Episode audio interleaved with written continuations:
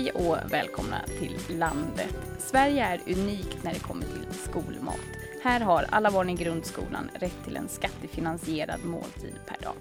Av alla världens länder är det bara Finland och Estland som också har det upplägget. Det är över 70 år sedan skolmatsreformen infördes här i landet och eh, alla offentliga måltider kostar tillsammans 27 miljarder per år. Så tar vi tillvara på satsningen? Är det värt pengarna? Och hur ser man på vårt system utomlands? Det ska vi prata om här i landet idag. Och med oss har vi tre personer som ska ge sin syn på saken. Ja, Eva Sundberg heter jag. Jag jobbar med offentliga måltider och det gör jag på Jordbruksverket och på Landsbygdsnätverket där. Där jag leder ett projekt som vi kallar för Mattanken. Annika Unt heter jag. Jag är passionerad skolmatsälskare. Jag är verkligen otroligt intresserad av alla aspekter av skolmaten och har fått förmånen att jobba med skolmatsfrågor och skolmatsutveckling eh, i snart 20 år. Jobbar i det egna företaget eh, från Skåne.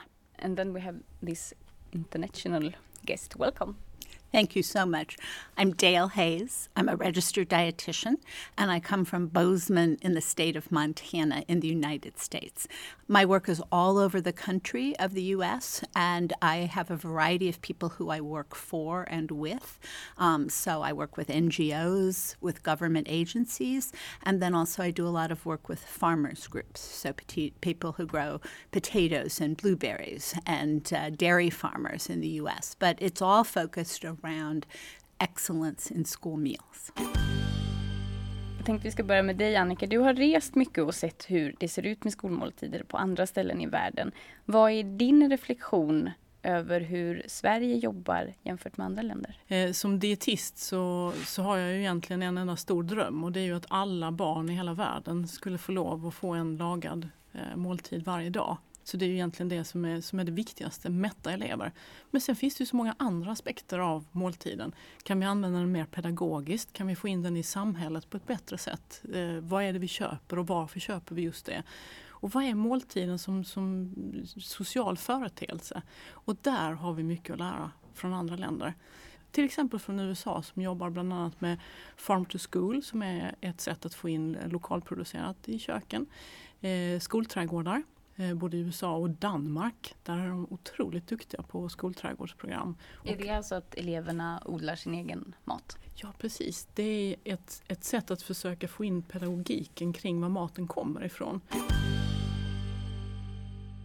Dale, you've just seen a school canteen and we're sitting in it right now and you just tasted the food here during the day. What's your first reaction? Fabulous. It was absolutely a delicious meal. But on top of that, it was a wonderful environment to dine in. I think one of the things that is a challenge in the US and what I really saw here today is providing an environment that's like a restaurant that allows um, young people to enjoy delicious food, but also to socialize and to have the experience of breaking bread together.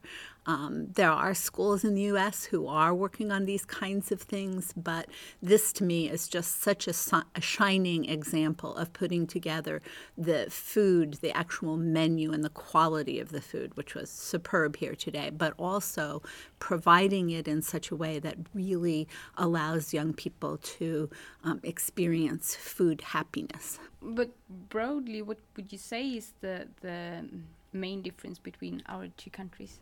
I think it really is a question that comes down to food quality. One of the things that we are struggling with in the US is to take advantage of scratch cooking and to take advantage of local foods. Now, the best districts in the US are doing that, and that's what a lot of my consulting and work with schools is encouraging them to do that with uh, the training and technical assistance or even the equipment that they need to be able to do that.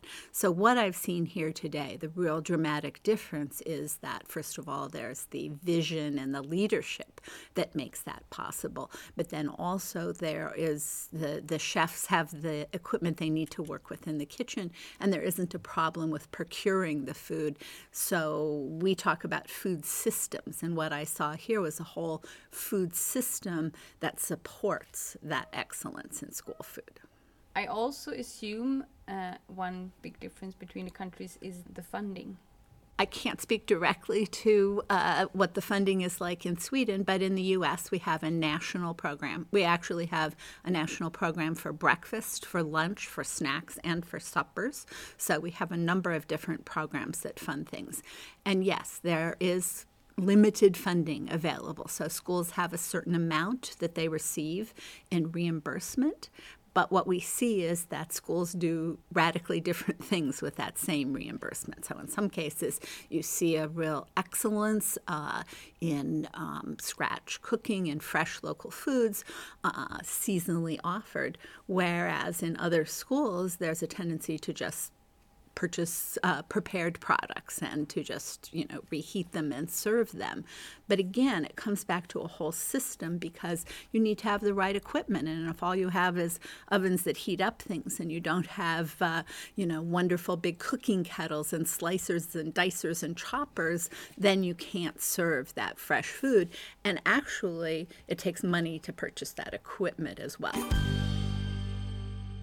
Dale säger ju här att infrastrukturen runt skolmaten är en av de, eh, de största skillnaderna och att det är en större skillnad än att, att vi har det på skattesedeln eh, och inte dem. Vad tycker ni är intress mest intressant i de, här, i de här skillnaderna?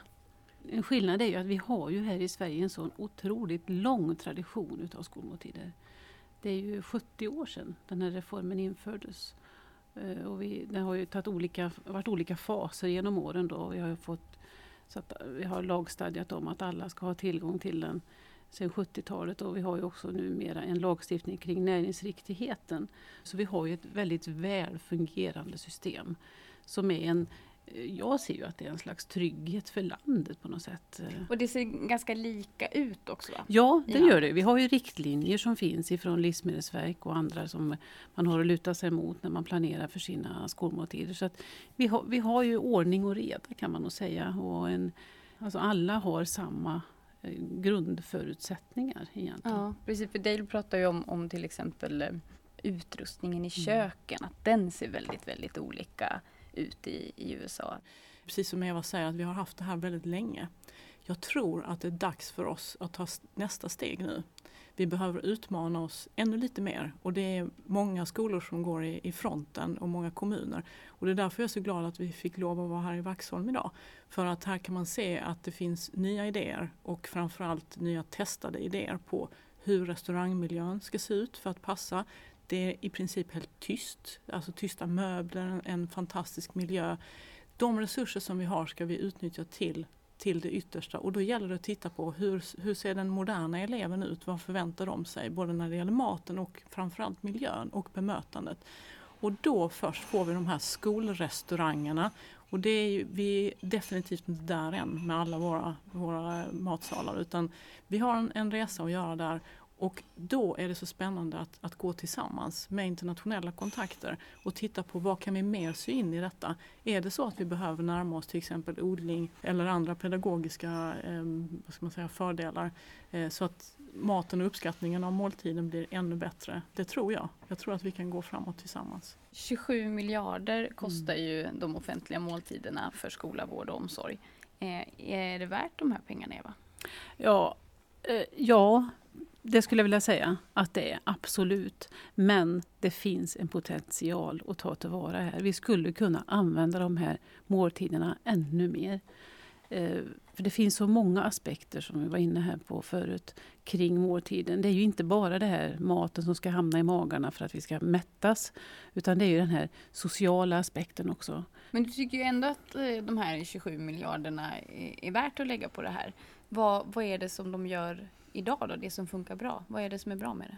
Jo men det är ju så att vi, vi, vi eh, det, det, skapar ju en jämlikhet. Eh, alla har samma rätt. Man har rätt till ett lagat mål mat om dagen. Och det är ju väldigt mycket värt. Jag, man hör ju andra länder som diskuterar och införa den här reformen och det finns ju inte, det finns inte på kartan. För man, ser, man skulle gärna vilja det, men ser inte att man man mäktar inte med det, både ekonomiskt och därför att det, det, tar, det har tagit oss 70 år att bygga upp de här, den här strukturen som vi har för våra måltider. Och, det, och det, det ska vi ju vårda och värna och ta tillvara och utnyttja. Och som Annika säger, ta nästa steg här, att göra det ännu bättre.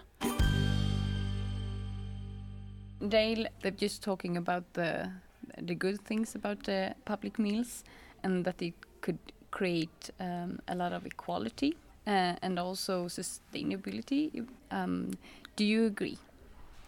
I absolutely agree. In fact, I think that what is happening with school meals in the United States, and certainly what I've seen here, is something that really helps to drive change in the overall food system. I mean, if you think about the U.S., 32 million children eat lunch in school every day. 32 million children, plus another 14 million have a school breakfast. And when programs of that volume change how they're doing business, change how they procure food, change uh, how they approach food waste, that really drives change overall into a system. So, um, what we're seeing, one of the, some of the most exciting things in terms of sustainability and reducing food waste in the U.S. have to do with schools actually growing their own food. So we're seeing a real movement towards greenhouses and hoop houses so that children, as part of an educational experience, grow the food that then's going to be served in the school. We've had a program for a long time in the U.S. called Future Farmers of America, FFA. And for a long time it was on the outs and nobody was interested. They all wanted degrees and other things. Now, Future Farmers of America are coming back. And there are a lot of those programs, not just in rural areas, but in urban areas, who are starting to grow and produce food in school gardens, in school farms.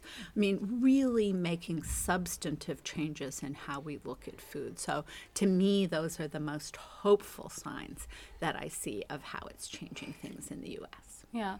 As this is a podcast about the, the countryside outside the cities, do you think that this kind of, of uh, school uh, growing food could also get get the kids interested in becoming a farmer in the future, for example, or some something like that?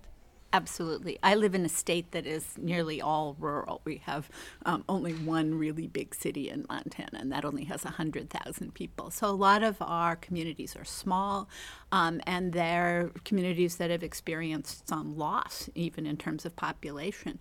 Now, when you have um, people growing food there again and providing um, wheat, beef, all those kinds of things, it begins to really change communities. And for example, in the town that I live in, in Bozeman, we have some local farmers who, before schools got into local products, they were mostly selling to farmers markets or to a few fancy restaurants.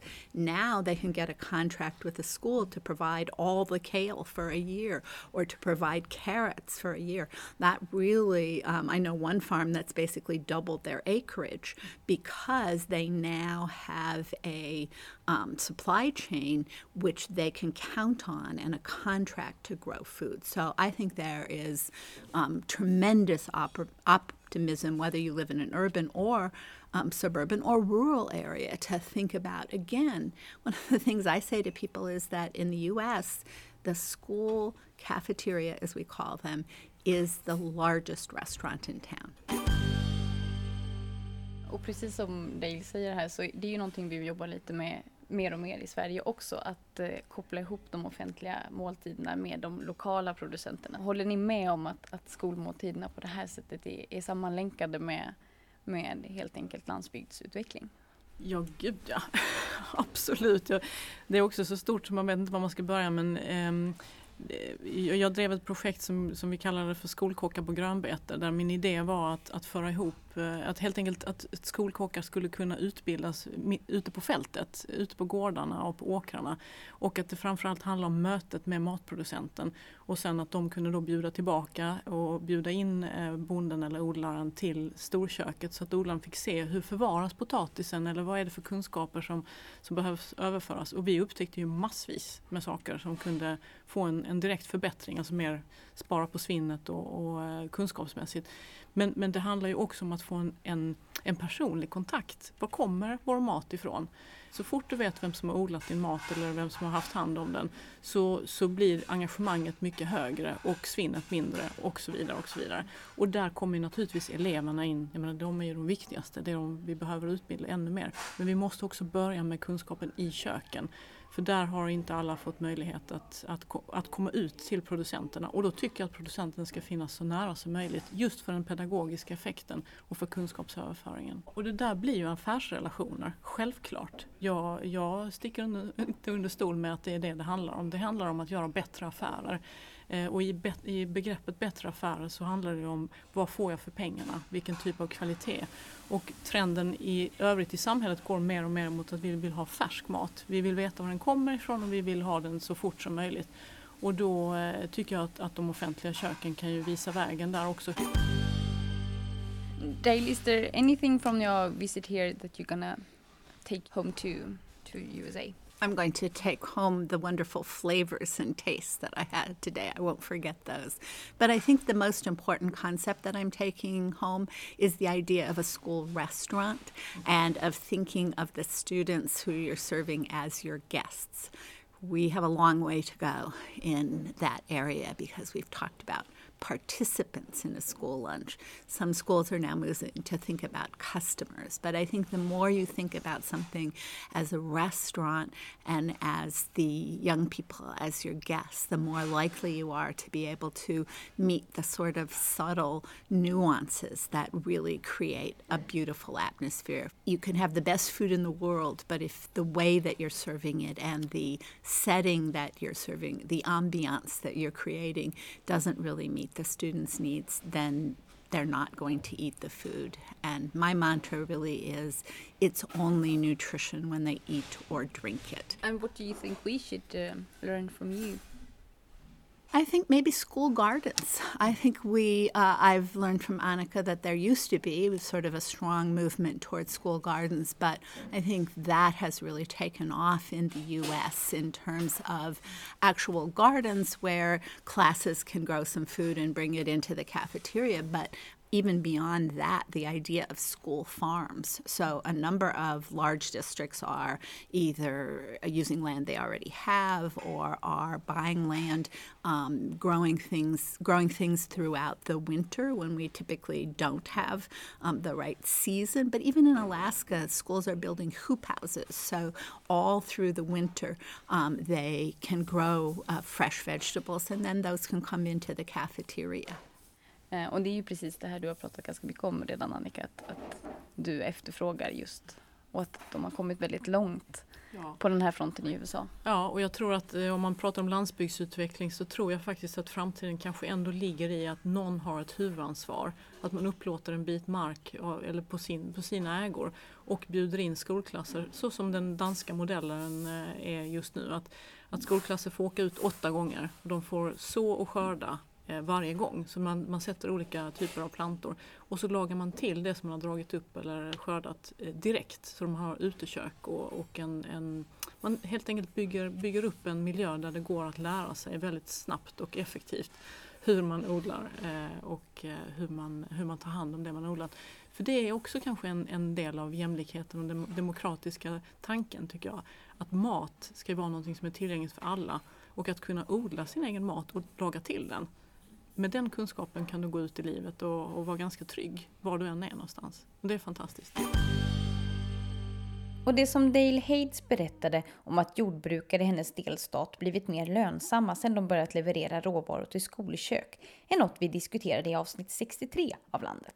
Där får du också veta vad du som producent kan behöva göra för att det offentliga ska kunna köpa dina produkter. Med det säger landet tack för den här gången och jag som producerat heter Ida Lindhagen. Vi hörs!